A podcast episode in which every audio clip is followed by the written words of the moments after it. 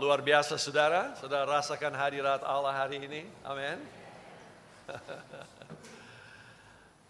Ada saat-saat seperti ini di mana umat Tuhan mulai dengan pujian dan masuk di dalam penyembahan di mana saya bisa merasakan kalau Allah melihat dia senyum.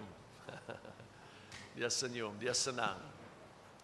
Sebenarnya perkataan-perkataan manusia Allah mau dengar perkataan dan doa dan permintaan-permintaan. Tetapi tidak ada nada yang menyenangkan dia selain penyembahan nyanyian.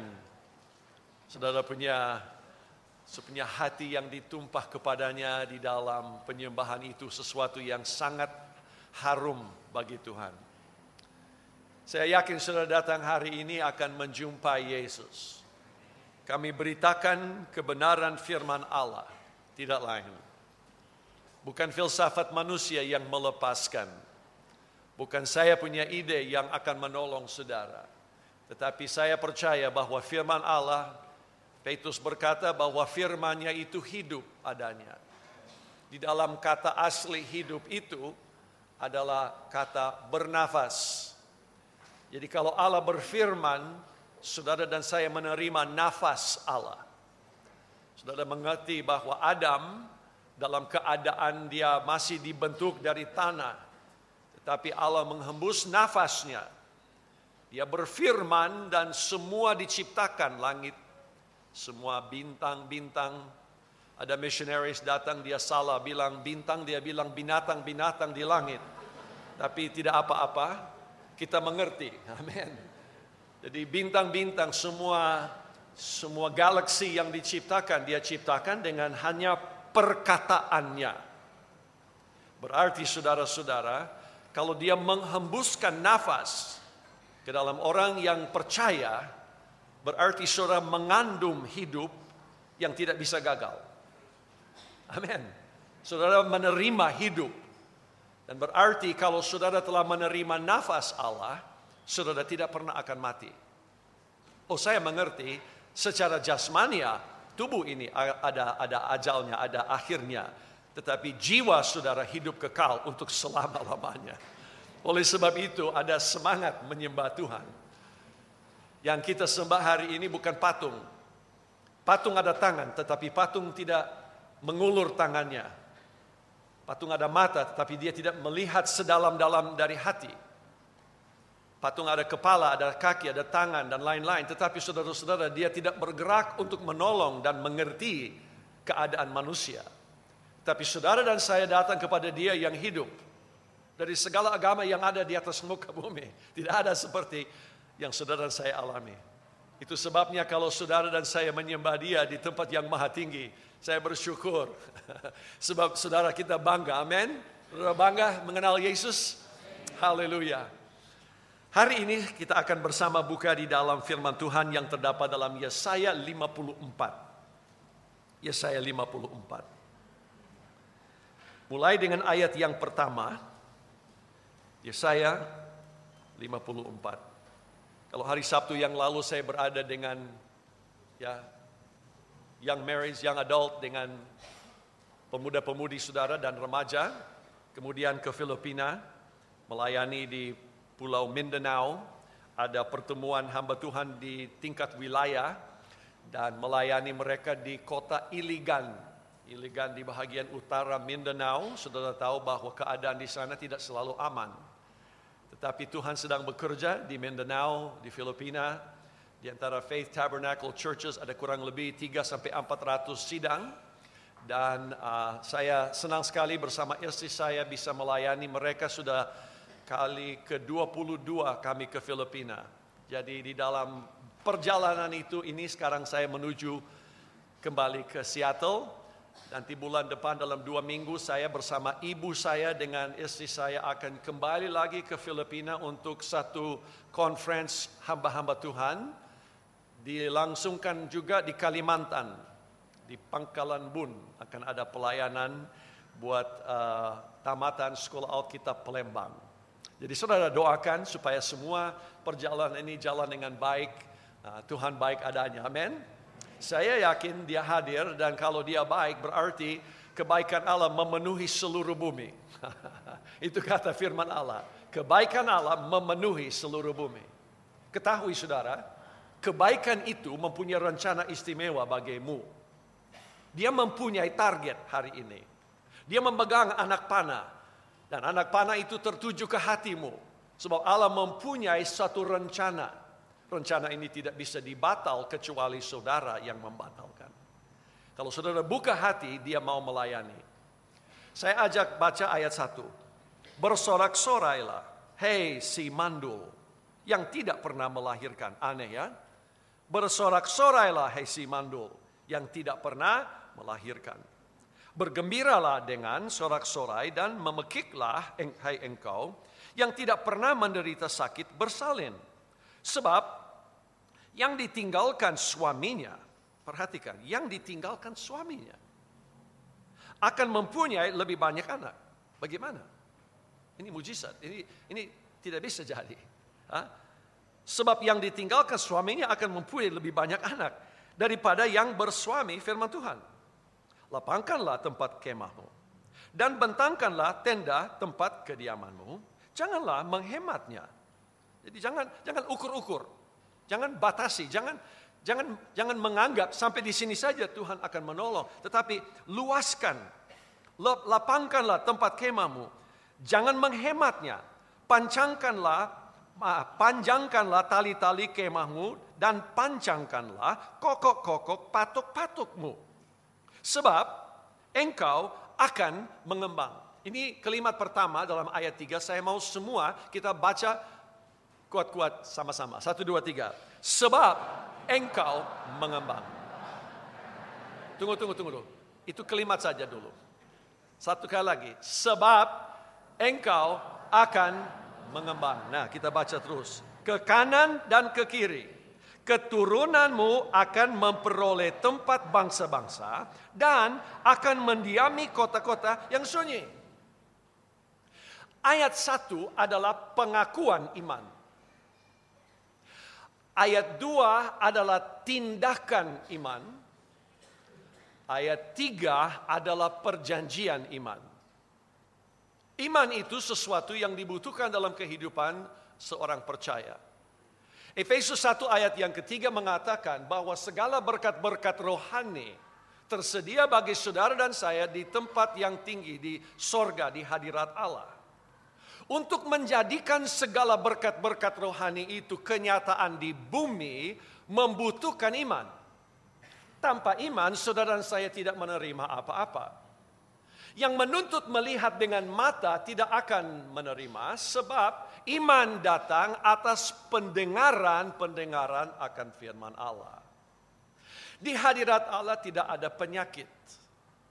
Bagaimana saya menjadikan kenyataan surga menjadi satu manifestasi pengalaman saya sehari-hari hanya dengan iman. Hanya dengan iman. Saudara-saudara, di sorga tidak ada tangisan, tidak ada duka. Sebab air mata akan dihapus dan hati yang susah akan digembirakan. Bagaimana keadaan sorga, suasana sorga dijadikan kenyataan di bumi?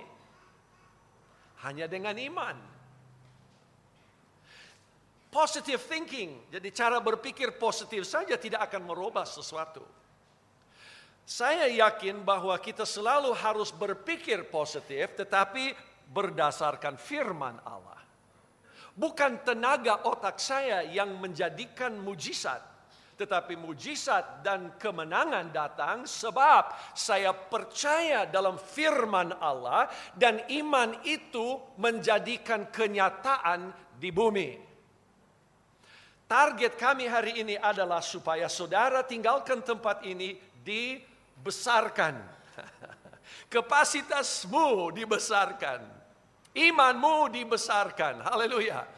Sebab saya yakin bahwa gereja Tuhan sedang disiapkan untuk menjangkau dan menjadi suara Yesus di tengah-tengah masyarakat sekarang ini. Gereja Tuhan sedang diurapi, sedang dibangunkan. Saudara-saudara, kalau gereja sedang dibangunkan, berarti kita harus melihat kemenangan itu sudah ada di pihak kita. Haleluya. Jadi saya perhatikan kembali, judul pelayanan, engkau akan mengembang. Nah saya kasih kasih sedikit uh, uh, apa informasi supaya jangan semua ibu-ibu dan tante-tante yang hadir sedikit stres dengan judul saya hari ini. Sebab kalau saya bilang engkau akan mengembang semua tante-tante dan oma-oma dan ibu, eh no no no no, saya tidak mau mengembang, saya mau lebih kurus sedikit. Saya tidak berbicara mengenai ukuran pakaian, oke? Okay? Saya tidak berbicara mengenai ukuran badan, haleluya. Saya berbicara mengenai kapasitas Roh Kudus yang ada sudah di dalam hati saudara dan saya. Ini yang dibicarakan. Oleh sebab itu kami akan datang kepada ayat-ayat yang disampaikan oleh Yesaya melalui urapan Roh Kudus. Ini ilham dari Allah untuk menjadi jawaban buat saudara. Kalau tiga ayat ini diangkat dan disalin bebas dari message translation. Message translation satu satu translation Bible yang yang lain yang sehari-hari kira-kira seperti ini. Menyanyilah, hei perempuan mandul yang belum pernah melahirkan. Penuhi udara dengan nyanyian, hei engkau yang belum melahirkan. Engkau akan melahirkan lebih banyak anak dari ibu-ibu yang sudah melahirkan, kata Allah. Luaskan dan bersihkan halaman untuk kemahmu. Saya senang dengan ini. Ini kelima. Ya. Luaskan dan bersihkan halaman untuk kemahmu.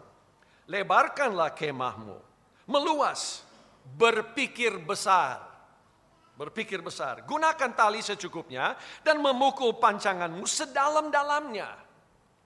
Engkau akan membutuhkan tempat luas untuk keluargamu yang mengembang. Engkau akan menduduki bangsa-bangsa dan engkau akan memenuhi kembali kota-kota yang sunyi. Saudara senang dengan firman Tuhan? Dengan pembacaan saja firman Tuhan, saya dikuatkan. Dengan membaca perjanjian-perjanjian Allah ini, saya bisa sendiri tambah semangat. Karena apa? Saya mengerti bahwa firman ini sudah mulai memberi hidup dalam keadaan-keadaan yang rasa mandul. Siasat iblis selalu Allah membatasi, membatasi, membatasi. Ini, ini cara iblis bekerja. Iblis selalu berkata, boleh sampai di sini, stop kalau masuk pun ke kebaktian, dia tidak khawatir dan dia tidak gementar saudara ada dalam ruangan ini. Iblis tidak khawatir. Ada banyak orang masuk keluar gereja tidak menjadi satu uh, bahaya buat iblis. Tetapi kalau saudara sudah mulai radikal dan sudah mulai angkat tangan dan menyembah Tuhan dan sudah sudah mulai adakan satu persekutuan dan kontak dengan sorga di mana kebenaran firman itu menjadi bahagianmu, sekarang iblis gementar. Jadi dia hanya ada satu siasat, ada satu rencana, yaitu membuat saudara berpikir terbatas. Dan hari ini kita akan melihat bahwa setiap orang yang percaya tidak ada yang mustahil bagi dia.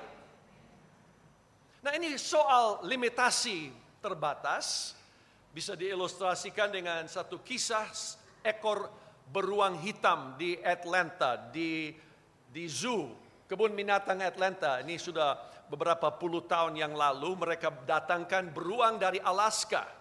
Besar beruangnya, tetapi kasihan pada waktu itu kebun binatang semua kandangnya kecil. Ini kandang dibuat 10 meter segi. Beruang itu kalau sudah dimasukkan dari pagi-pagi sampai malam dia hanya satu kerjanya. Dia dia ke kiri sampai ke tembok sebelah, dia balik lagi, dia kembali ke kanan sampai tembok sebelah, dia bulak-balik, bulak-balik terus. Lama kelamaan di Amerika, itu perasaan hak binatang meningkat. Nah, itu tidak ada di Manado, tetapi di Amerika ada. Ya, di Manado tidak tahu hak binatang itu. Nah, tetapi kalau kalau di Amerika mereka mulai bicarakan hak binatang. Jadi mereka berkata, kasihan binatangnya. Nah ini ini saudara supaya bisa mengerti, sebenarnya kedengaran lucu tetapi sebenarnya di Amerika ini satu krisis. Krisis. Sebab sekarang dengan gampang kita aborsi anak, tetapi kita selamatkan anjing. Saudara tahu, saya punya anjing, saya ikat dekat pickup saya, saya potong rumput di depan gereja, ada ibu jogging. Anjing saya gonggong, ibu itu terlalu dekat di mobil saya, dia loncat dan dia garuk kakinya. Dia bawa ke pengadilan perkara, dia minta 40 ribu dolar. 40 ribu dolar. Untung yang hakim cukup bijaksana. Ah, tetapi hak binatang begitu dipelihara sehingga saudara ah, mereka seolah-olah mau selalu mengawasi binatang. Nah ini beruang kalau sudah disayang oleh banyak masyarakat mereka bilang bongkar itu kebun bikin lebih besar. Dan kandang itu diperluas. Besar sekali ada kolam airnya, ditaruh lagi es. Supaya itu beruang merasa seperti di rumah sendiri di hutan. Hanya masalahnya sekarang nggak bisa nggak bisa lihat binatang ya begitu jauh. Nah, jadi ini binatang tua, mereka sayang sekali mereka bawa kembali ke Alaska mau lepaskan saja. Jadi ada Hercules bawa sampai ke Anchorage, dari Anchorage naik helikopter besar, ada di kandang. Semua wartawan sudah datang untuk melihat apa terjadi dengan beruang ini. Akhirnya pintunya dibuka. Kameranya sudah siap semua. Wartawan sudah mau tulis. Beruangnya keluar. Dia jalan 10 meter ke kanan, lalu dia balik lagi 10 meter ke kiri, lalu dia balik lagi 10 meter ke kanan, ke kiri. Dia sudah merdeka, tetapi dia tidak tahu dia merdeka. Dia sudah lepas, tetapi dia sudah biasa terkurung. Saudara-saudara, saudara dan saya sebagai orang yang percaya harus mengerti bahwa tidak ada limitasi untuk kemajuan imanmu. imanmu. Tidak ada limitasi, tidak ada perkara yang dapat menghalangi dan membuat keadaan mandul di dalam jiwamu selain firman Allah yang berjanji untuk melepaskan. Amin. Jadi saya ajak kita perhatikan bahwa Israel pun mereka dalam bahasa Inggris they limited God. saya kaget. Apa artinya? Israel membatas batasi Allah. Bagaimana bisa membatasi Allah? Sebab mereka tidak mengizinkan Allah mengembangkan hidupnya. Tidak mengizinkan perjanjian-perjanjian itu menjadi kenyataan dalam hidup mereka. Jadi kita akan melihat sekarang bahwa iman itu mulai dengan suatu pengakuan, kemudian akan ada tindakan dan perjanjian. Baik kita masuk ke ayat pertama. Kembali lagi saudara melihat di sini, bersorak-sorai, hei si mandul. Berhenti dulu, lingkari kata mandul. Saya mau tahu Tuhan apa artinya mandul ini di dalam konteks kebenaran firman Allah. Kamus umum mengatakan bahwa keadaan mandul itu ya bisa kita melihat beberapa hal tidak menghasilkan artinya menggugurkan buah mandul hasil yang kurang. Tumpul. Nah saya saya sedikit kaget dengan dengan pengertian ini. Tumpul dull. Seperti pisau yang tidak tajam lagi tidak mampu mengerjakan sesuatu. Ataupun tanpa respon. Nah, kata mandul dalam Alkitab, dalam bahasa Ibrani ini, artinya keadaan tidak sanggup melahirkan. Kering, kosong. Tidak bisa berbuah. Nah ini keadaan mandul. Nah, sekarang kita aplikasikan mandul ini di dalam kehidupan sehari-hari. Sebab kalau saya hanya lihat mandul, saya tidak bisa connect, saya tidak bisa mengerti bagaimana orang percaya bisa mandul. Ya, kalau mandul jasmania kita mengerti, tapi bagaimana rohani. Jadi saya memberi beberapa ilustrasi di sini yang memungkinkan pengalaman saudara. Yang pertama, perhatikan bahwa kalau ada musim rasa tidak berbuah. Saudara ingat waktu pertama-tama menerima Yesus Kristus. Kesukaan yang meluap-luap dalam hatimu luar biasa. Ya. Sampai kalau saudara di antara tetangga-tetangga dan kawan-kawan, itu beban dari dosa sudah terangkat dan saudara senang sekali, cepat sekali saudara saksikan Yesus kepada orang-orang yang lain. Saudara pun bisa percaya dan berdoa buat hal-hal yang tadi-tadinya saudara tidak pernah doakan. Sekarang saudara melihat ada hasil, ada ada suatu kenyataan dengan kasih yang mula-mula itu.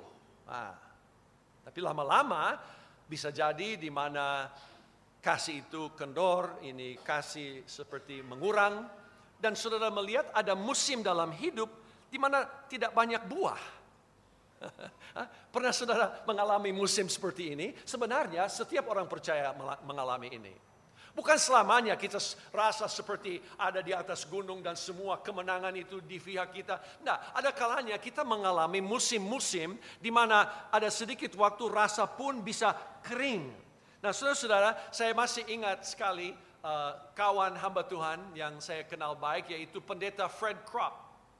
Pendeta Fred Kropp sebelum saya melayani di City Church sebagai gembala misi, dia telah melayani 10 tahun. Saya ke misi eh, dengan dia ke India, ke ke Afrika, kami pernah datang pun ke Indonesia. Nah, saudara harus mengerti, pendeta Fred Kropp selalu positif.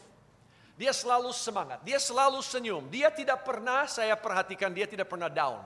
Dia tidak pernah susah hati, dia, dia selalu, pokoknya on top ya, dia selalu menang kelihatan. Tetapi satu hari Sabtu malam ada kebaktian doa di gereja kami dan ada uh, murid-murid uh, sekolah Alkitab keliling dia dan sesudah kebaktian ada yang tanya dia, Pastor Fred, how are you? Nah, jadi bagaimana Pastor Fred? Hari itu dia keluarkan ucapan yang saya tidak saya tidak sangka akan keluar dari mulutnya. I feel dry. Saya rasa kering. Nah, sudah mengerti. Kalau Pastor Fred bisa merasa kering, apalagi kita semua yang lain. Saya pun bisa terhibur dengan perkataannya bahwa dia sendiri mengaku rasa kering. Sebab apa? Sebab ada musim, ada saat-saat di mana betul-betul kita rasa dekat, hidup, banyak buah dalam pelayanan. Lalu ada musim di mana kurang. Itu bisa menggambarkan keadaan mandul. Di mana saudara sedikit frustrasi. Mengapa orang lain dalam kebaktian diberkati, saya tidak. Orang lain merasakan hadirat Allah, saya tidak. Orang lain bisa cepat amin, saya tidak tahu mau amin atau tidak amin. ya, jadi saudara bisa mengerti, ini ada musim, ada saat-saat. Apa apa cinta Yesus? Oh, tetap, tetap cinta Yesus. Apa rajin ber, oh, rajin berbakti, tetapi mengalami satu musim seperti ini. Nah, bagaimana dengan keadaan padang belantara? Nah, padang belantara berbicara mengenai saat-saat dalam hidup rohani di mana tidak terdengar suara dan petunjuk Allah sehingga seolah-olah kita hanya mundar-mandir saja. Sudah hilang jalan, hanya tidak tahu mau ke kanan, mau ke kiri, mau ke mana. Jadi saudara akhirnya kita melihat bahwa orang seperti ini, dia dia tidak ada tidak ada yang memimpin. Dia tahu saja satu tahun sudah lewat, apa yang saya hasilkan dalam tahun ini. Itu juga bisa menggambarkan suatu keadaan rasa mandul. Rasa mandul juga bisa dirasakan dengan tidak sanggup, perasaan tidak sanggup ada ada limitasi dengan pendidikan. Di sekolah Alkitab sering saya hadapi dulu, di mana di satu bangku orang yang terpelajar, di bangku sebelah dia ada orang yang baru tamat kelas 3 SD. Nah itu herannya Pantekosta, namanya Pantekosta heran lah itu bisa jadi. Tetapi heran, sering kali yang kelas 3 di SD ini dia datang ke kantor saya, Om, tolong Doakan saya. Saya bilang kenapa? Saya sudah semalam-malam pakai lilin lagi saya belajar, belajar, belajar, belajar tapi saya punya angka masih rendah. Rajin berdoa? Oh rajin om. Sudah puasa juga puasa om. Jadi semua semua dia lakukan yang dia dia dia tahu sebagai satu satu apa cara menghadapi diri dengan Tuhan. Tetapi kapasitas ada limitasi. Nah yang saya heran dengan ini saya selalu memberi nasihat ini buat yang terbaik. Tetap belajar, buat yang terbaik, tetapi bersandar kepada dia yang sanggup memberi buah. Jadi yang saya perhatikan selama jalankan sekolah di Purbasari 11 tahun, ini anak-anak yang dilepaskan dalam pelayanan, saya heran mengunjungi mereka 2-3 tahun kemudian. Saya melihat sidang, mungkin 100-150 orang. Saya lihat orang-orang datang kepada Tuhan. Saya berkata, dari mana datang kapasitas? Sebab tadi-tadinya dia merasakan ada limitasi. Tidak bisa. saya, saya tidak sanggup om. Oke, okay. buat yang terbaik, lalu bersandar kepada urapan dan kuasa roh kudus. Akhirnya ada yang sudah tiga empat sidang yang dia buka.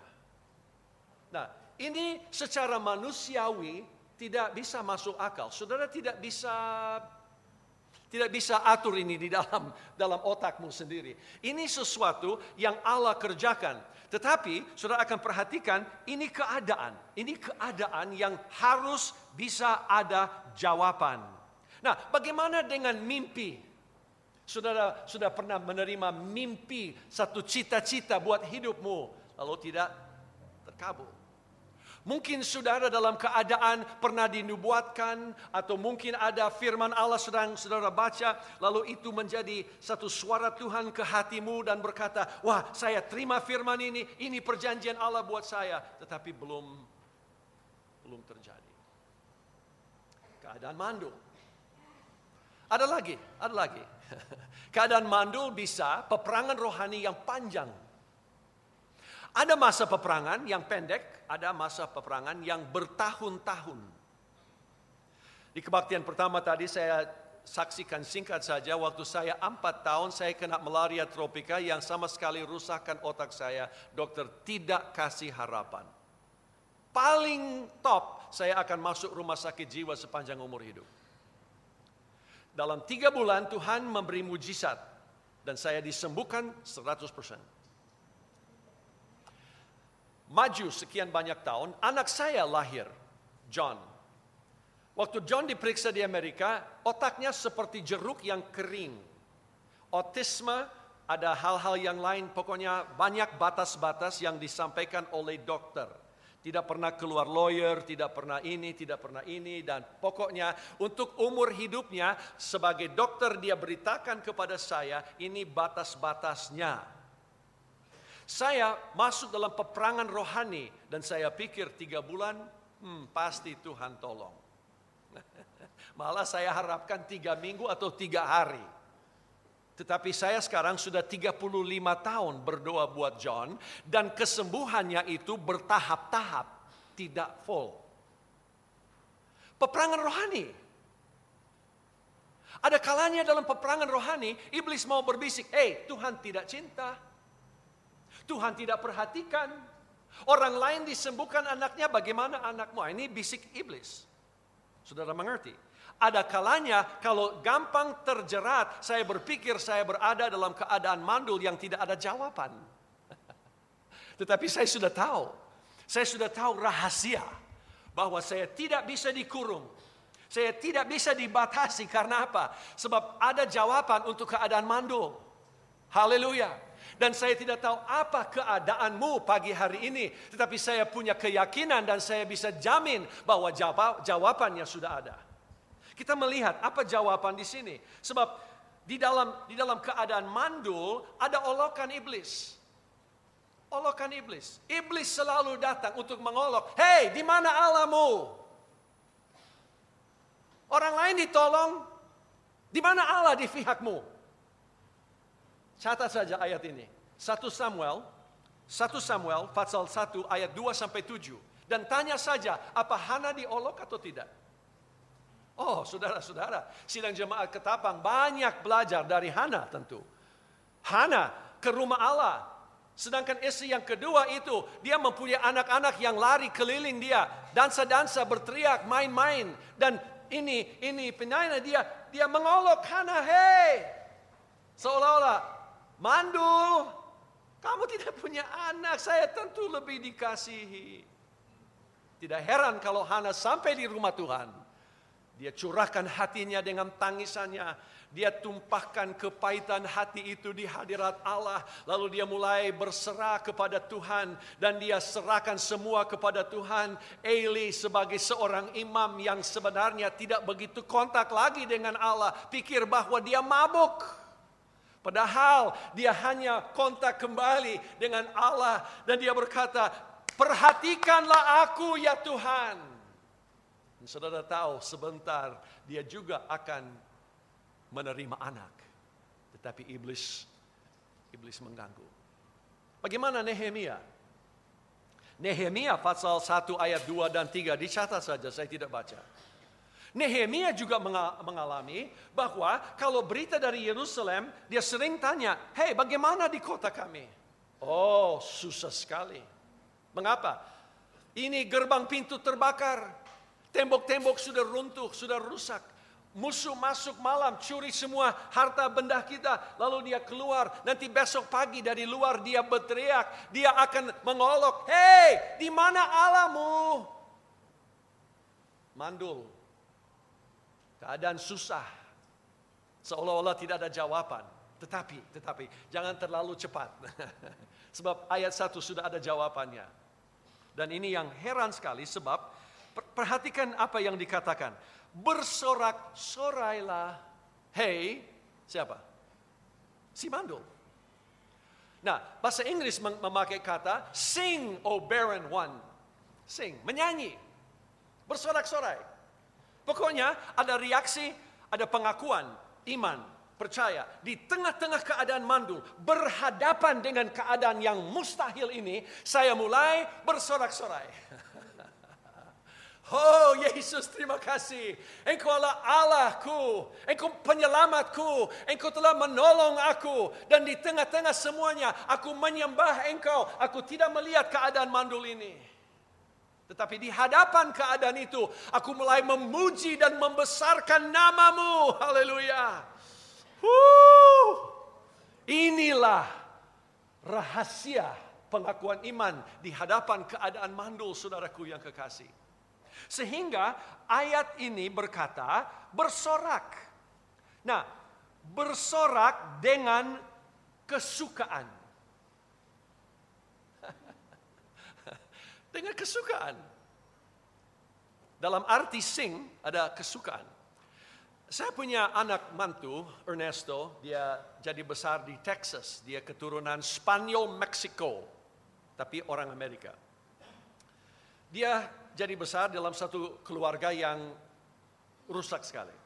Ayahnya orang pemabuk, akhirnya dia tinggalkan dengan ibu dan anak-anak dia lari, Ernesto selama umur hidupnya tidak pernah menerima satu hadiah untuk hari jadinya. Tidak pernah. Tidak pernah ada yang masak kue. Hampir saya bilang cookies, tapi itu menado. Kue. Tidak pernah. Tidak pernah. Lama-kelamaan dalam perantauannya, dia nganggur, terlibat obat bius, banyak hal yang terjadi. Tetapi dia akhir di Seattle, dan satu hari dia masuk ke gereja kami di Bethel Temple. Dia menerima Yesus sebagai juru selamat. Tuhan mengubah dia. Lama kelamaan dia jatuh cinta dengan anak saya. Menikah dengan Kristi. Dan waktu anak pertama, Benjamin lahir, Ernesto lakukan sesuatu yang aneh benar. Tapi lucu. Sebab sebenarnya dia diizinkan masuk ke dalam kamar operasi itu, dia bawa tustel. Nah, dia tidak tahu bahwa Kristi akan dioperasi sebab keadaan dari Ben, tetapi waktu itu dia sudah sedia, dia dia mau foto, dia mau foto. Tapi waktu dia lihat anak ini keluar, dia begitu terharu sehingga dia lupa foto. Dia mulai menangis. Ada suatu kontak yang terjadi. Dan sesudah itu perawat dengan baik-baik sesudah cuci Benjamin dan taruh dia di, di blanket dan letakkan dia di tangan dari ayahnya. Sudah tahu apa yang Ben, uh, apa yang Ernesto lakukan? Sepanjang hallway di rumah sakit itu, dia berkata, This is my son. This is my son. Dia senyum besar sekali. Ini anak saya. Ini anak. Dia dia kegirangan luar biasa. Sudah lihat kalau lihat dia dengan anak yang kedua lalu anak angkat mereka dari dari Ecuador yang juga orang tuanya bekas obat bius dan banyak masalah. Kalau saudara melihat Ernesto melayani anak-anaknya luar biasa. Tetapi menyanyi dan bersorak-sorai sesudah lahir gampang. Hah? Kalau sudah lahir gampang. Kalau sudah dapat mujizatnya, oh ya ya ya. Glory haleluya puji Tuhan. Tetapi bagaimana sebelum? Bagaimana kalau masih dalam keadaan mandul? Adakah kita bisa menyanyi? Adakah kita masih berharap dan menyembah Allah? Menyanyilah di hadapan keadaan mandulmu. Coba lihat Mazmur 138. Mazmur 138. Saudara oke? Okay? Masih bisa lagi tambah sedikit? Oke. Okay. Mazmur 138. Sudah jelas harus tambah sedikit sebab saya masih di ayat pertama. Tapi jangan khawatir, ayat yang kedua dan ketiga ekspres. Oke. Okay. Uh, coba lihat Mazmur 138 dari Daud. Aku hendak bersyukur kepadamu dengan segenap. Ini bukan setengah tiang angkat tangannya. Wuh, ini benar-benar. Saya akan menyembah engkau Tuhan. Suara yang nyaring dengan kesukaan segenap hatiku. Di mana? Di hadapan para ilah. Jadi musuh Allah aku akan bermasmur bagimu. Daud memberi rahasia. Di hadapan musuh yang sedang mengancam, dia mulai menyanyi, dia mulai menyembah. Dia mulai berkata, oh betapa besar engkau Tuhan. Perjanjianmu itu teguh dan baik. Kemudian dalam kisah Rasul 16, ada contoh yang bagus sekali. Paulus dan Silas berada di dalam penjara yang paling dalam, dibelunggu, sudah dicemeti, sudah luka, sudah keadaan parah, tetapi mereka berbuat apa? Dalam keadaan mandul, terkurung, ada limitasi, mereka mulai menyanyi. Menyanyi. saya tidak tahu lagu lama atau lagu baru, saya tidak tahu. Tapi tidak jadi soal sebab Allah senang dengan nyanyiannya. Amin. Lalu waktu dia dia mulai menyanyi, Jack Hayford punya pendapat seperti ini. Dia berkata, saya saya kira kalau mereka menyanyi itu kedengaran di sorga. Nah Allah berkata bahwa langit adalah tahtanya dan bumi adalah tumpuan kakinya. Jadi waktu Allah mulai dengar suara dari anak-anak ini yang sedang menyanyi, kakinya mulai goyang. Dan karena kaki di atas muka bumi, datanglah gempa bumi. Dan gempa bumi membuka lebar pintu penjara. nah saya tidak tahu kalau itu tepat atau tidak tepat, tetapi cocok. Mengapa? Orang yang mulai menyembah di tengah-tengah kepicikannya akan mendapatkan jalan terbuka. Amin. Jangan lupa saudaraku. Nah, kemudian kita melihat bahwa iman mempunyai satu tindakan. Ayat 2. Ya. Bagi yang sedikit stres mengenai waktu, jangan khawatir. Kita sudah di ayat 2. Oke. Ayat 2, coba baca kembali ayat 2 tadi. Oke, ayat 2 lang, uh, lapangkanlah tempat kemahmu dan bentangkanlah tenda tempat kediamanmu. Ada, ada tiga hal di ayat ini saya tekankan saja singkat. Kalau soal lapangkan tempat kemahmu, ini berbicara persiapan-persiapan yang saudara ambil sebagai tindakan untuk mujizatmu.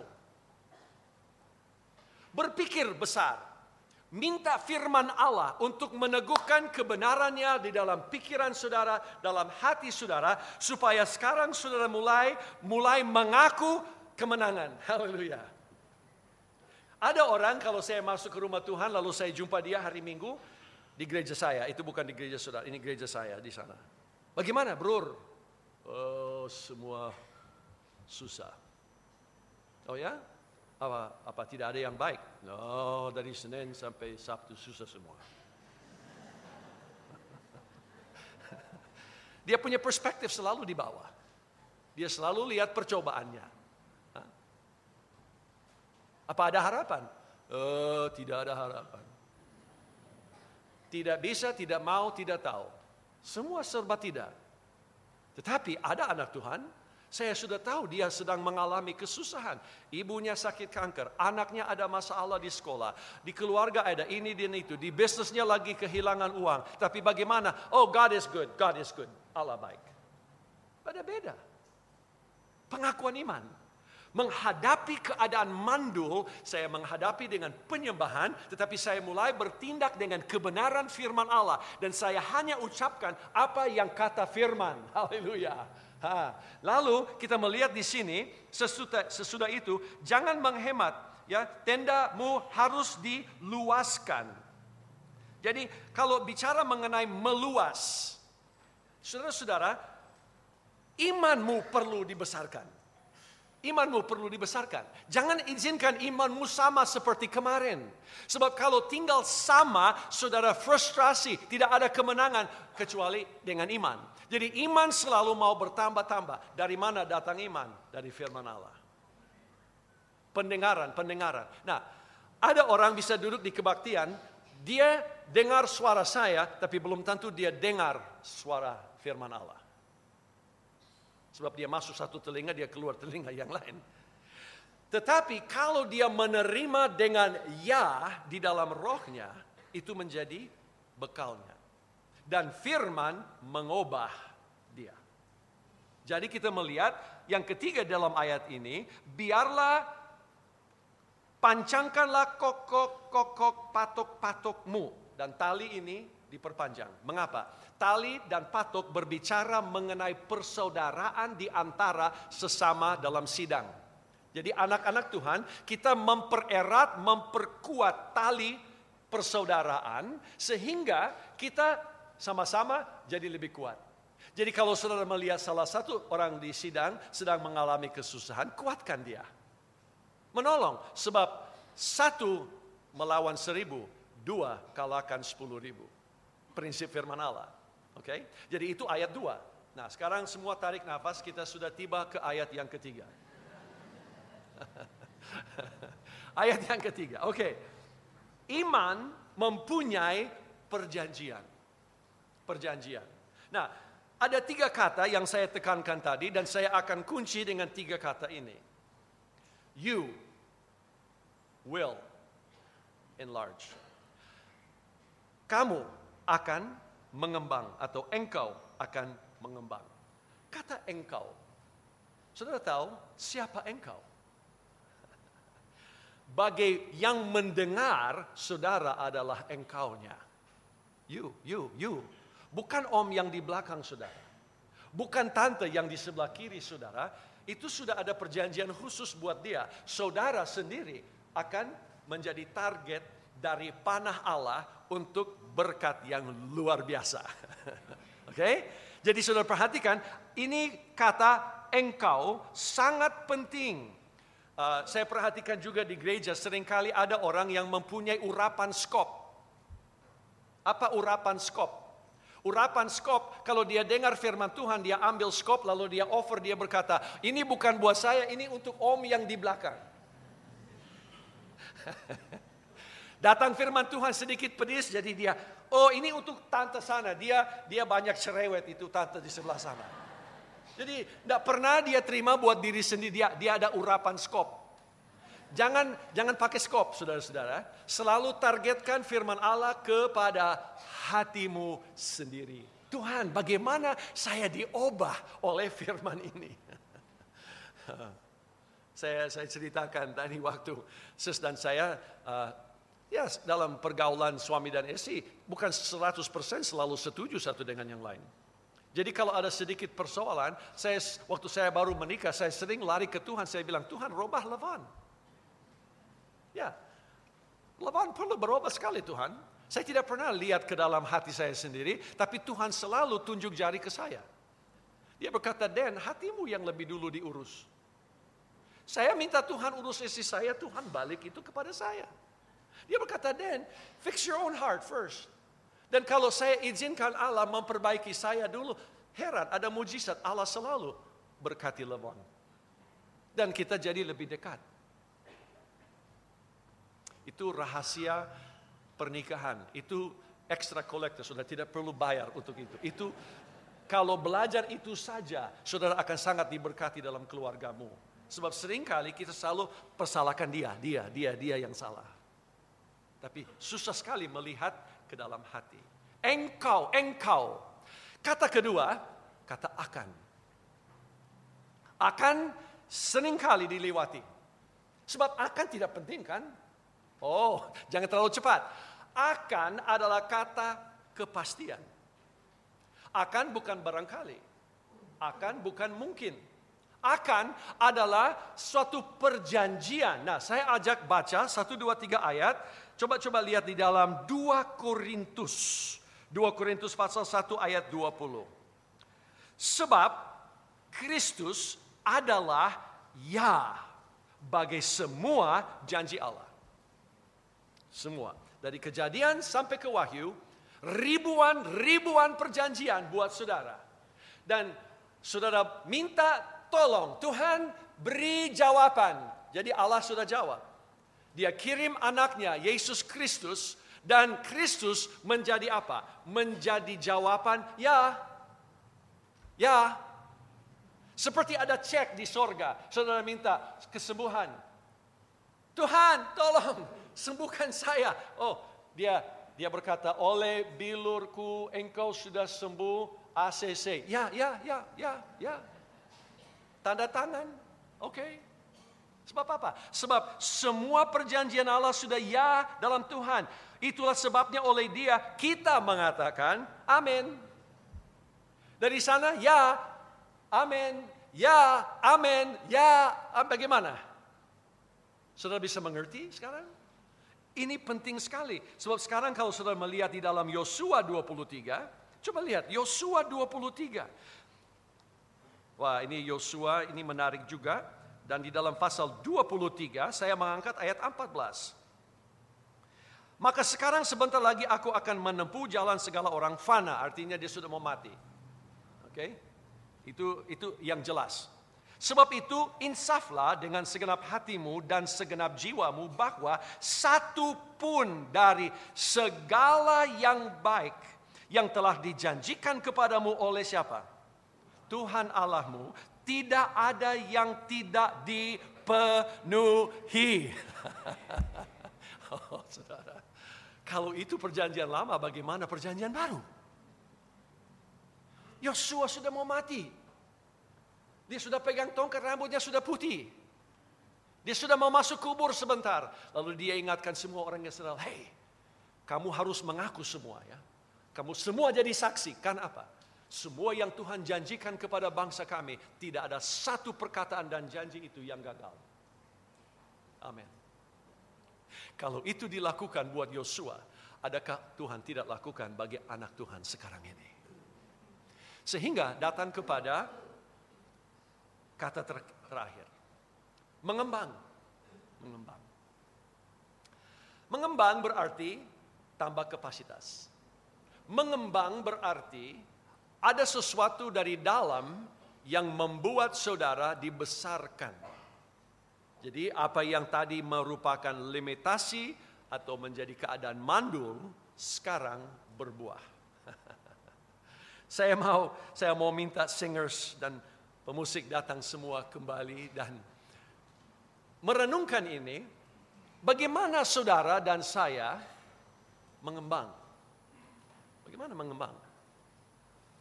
Apa bisa tiup saja jempolmu lalu mengembang? Tidak bisa. Tadi saya saksikan bagaimana Levon uh, rayakan uh, hari ulang tahun dari cucu saya. Saya punya lima cucu laki-laki semua dari umur dari umur eh, 14 sampai dengan umur genap 3 tahun minggu lalu. Nah, waktu saya kecil dan waktu Levon, anak kami jadi hari ulang tahun, paling-paling satu dua balon dibeli. Balon bagus tapi hanya satu dua.